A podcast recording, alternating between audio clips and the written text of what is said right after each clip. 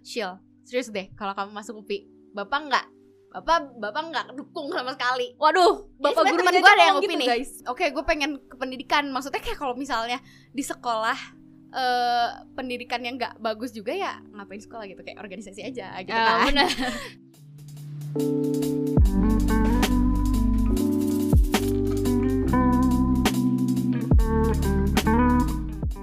BTW eh dari ngobrol-ngobrol kita nih Ah. cuy-cuy cantik. gue eh, dan dari riset gue sendiri juga Mm. eh, di Sampurna tuh yang jurusan pendidikan tuh ada dua kan ya? Ada Iya, matematika sama English kan. Yes. Kenapa sih lu milihnya matematika? Kayak Oke. kalau gue nih jadi dia, ada kemungkinan besar gue nggak milih matematika guys. Ah, Pasti larinya ke Inggris. Kayak matematika gitu. Oke. Capek nggak sih? Kenapa tuh? Yang pertama awalnya tuh eh apa ya? Gue kan kayak nggak ada kecenderungan pengen ke subjek yang mana ya. Oh, Nah, terus- netral. netral gitu. Oke. Jadi kayak English bisa, math juga bisa lah. Hmm. Terus sebenarnya ini ceritanya lucu ya karena itu melibatkan teman gue ada namanya Hilya. Oh, Hilya kalau kamu nonton Hilya, ini karena kamu. ini karena kamu. Jadi ceritanya tuh gue lagi daftar nih. Jadi Hmm. waktu itu gue ceritanya daftar di mana ya? Pokoknya gue lagi La sama teman gue. Kalau nggak lah kamera tuh di kopi kedai kopi 180 eh 180 apa berapa? Ya 180 pokoknya seberangnya lah kamera aja. Iya Gue gue nongkrongnya di Jalan Tempat Veteran. Tempat tongkrongan teman gue ini tuh pasti di la kamera Ya, dan itu. nyampe malam. Gue belajar sama. Hilya soalnya. Gue Iya. belajar sama Hilya waktu itu. Hilya lagi jadi guru les gue. Emang Guru les kimia. Terus terus. Terus em, gue daftar nih di sana kan. Terus gue kan bingung. Eh, ini ada English, ada math. Gue Hmm. tanya aja ke Hilya. Hilya tuh emang orangnya anak olim deh guys. Jenius udah. Jenius itu definisi teman kita yang satu ini tuh Iya, jenius udah. Iya, jenius banget. Akhirnya gue nanya kan ke Hilya, Aing mendingan math atau English ya? Terus dia dengan santai jawab, math lah, lebih challenging katanya kayak gitu. Oh my god. Em, terus ya Bener ada benernya sih. juga. Bener ya. sih sebenarnya. Soalnya kan kayak kalau misalnya English, pengantar gue aja di sana udah English gitu Iya. kan. Gue kalaupun math gue tetap belajar English gitu. Jadi kayak eh dan dan emang lebih challenging bener. Jadi Iya. akhirnya gue ambil math gitu. Hmm. Gitu sih cerita gue ngambil math Oh gitu. akhirnya. Oke. Terus em, kalau dari sisi edukasionalnya nih, Hmm, itu gimana sih kuliah di pendidikan math tuh? Oke. Kayak eh, apakah si apakah lu belajar dari pelajaran SD sampai awal mas eh, awal akhir-akhir SMA ya Hmm. itu diulang lagi semua kah atau lebih advance dari itu? Coba ceritain dong. Oke, oke gue cerita dari pertama masuk mungkin ya. Sama matkul-matkulnya Hmm, itu boleh. matematika kan? Masa iya semuanya matematika sih berhubungan sama matematika semua? Nggak mungkin kan? Oke, iya, iya. Eh, coba coba coba coba. Jadi eh, gini, pas gue masuk tuh sebenarnya gue udah punya ekspektasi kan. Oh. Gue akan belajarnya kayak gimana. Gue gue orangnya karena gue tuh memilih sesuai dengan ekspektasi gue gitu kan. Kadang-kadang Oh, kan iya, pada iya, akhirnya iya. gue milih ke sana karena gue memilih lingkungannya, memilih kurikulumnya, Mhm. memilih programnya gitu kan. sesuai ekspektasi lu nggak ternyata? Nah ternyata pas gue masuk tuh Hah? em, dari secara akademik dulu ya. Oke. dari secara akademik itu tuh nyambung banget sama sama apa yang gue gimana ya jadi mereka tuh kayak punya visi misinya tuh ada tagline-nya tuh gini eh, transform this nation through education gitu. Apa ya? lupa. Pokoknya itulah keren, intinya. keren keren keren. jadi kayak emang intinya tuh mereka educationnya tuh ingin mentransform this nation gitu. Jadi Aha. mengarah ke sana kan selalu mengarah ke sana gitu. Tujuannya selalu mengarah ke sana. Eh pokoknya gue lupa visi misinya panjang. Eh tapi karena cerminan dari sana kalau gue ceritain programnya dulu ya. Jadi kan gue punya matkul matkul matkul. Tapi karena gue nih calon pendidik em gue tuh ada program yang namanya tuh? SIP itu School Experience Program jadi ceritanya gini kalau misalnya kamu di em, universitas pendidikan Hmm. eh maksudnya universitas jurusan pendidikan Hmm. biasanya kamu kuliah lapangan tuh kapan sih akhir akhir kan KKN KKN gitu nggak sih? akhir kan. Iya.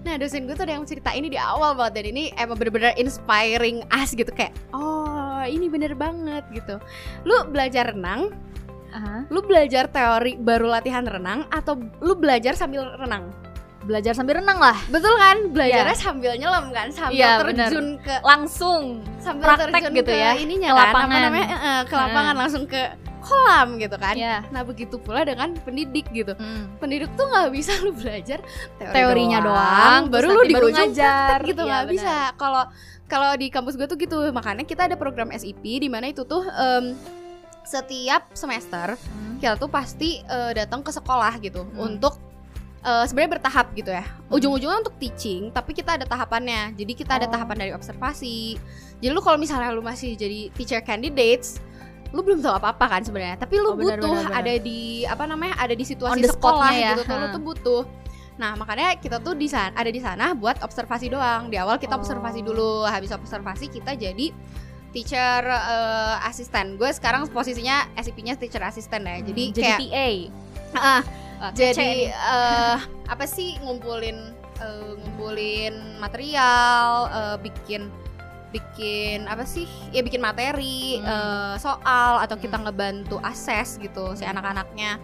Nah baru habis dari situ ada tahap koasis teaching. Hmm. co-teaching salah co-teaching tuh lu ngajar tapi barengan gitu jadi collaborate sama eh, guru pamong Oh. nah baru habis itu lu diperbolehkan untuk megang kelas sendiri Oh my gitu. god. Jadi, dengan adanya program ini teachers yang biasanya tuh kalau misal udah di akhir mereka padahal udah kuliah 4 tahun gitu ya Aha. tapi di akhir mereka masuk ke kelas tetap gugup Iya benar ini tuh menghindari itu banget gitu jadi Oh, kalau iya ya. misalnya eh, di Sampurna tuh Hmm. mereka membiasakan diri ada di tempatnya gitu Hmm. jadi kayak bener-bener ketika lu jadi guru ya lu emang udah jadi guru lu Hmm. menjadi guru yang kuliah keguruan dan lu berpengalaman sebagai guru gitu Oh. karena dimodalin dari kampusnya tuh gak cuman teori tapi eh, Praktek juga prakteknya ya? tuh langsung gitu Oh. dan prakteknya tuh integrated juga sama matkul-matkul gitu Hmm. nah oke dari sekarang sekarang programnya itu ya program Hmm. yang itu salah satu program yang bikin gue masuk juga masuk sempurna gitu. Ah. karena kayak ini lebih make sense gitu daripada instead of di ujung lu cuman Ya benar benar benar. Eh, kurang kurang. ya gitu. Eh, terus kalau secara matkul jadi pendidikan tuh kalau gue dibaginya ada dua ya. Jadi Hmm. pendidikan pedagogi sama konten konten mastery lah gitu eh, istilahnya. Pedagogi itu cara lu menjadi guru gitu.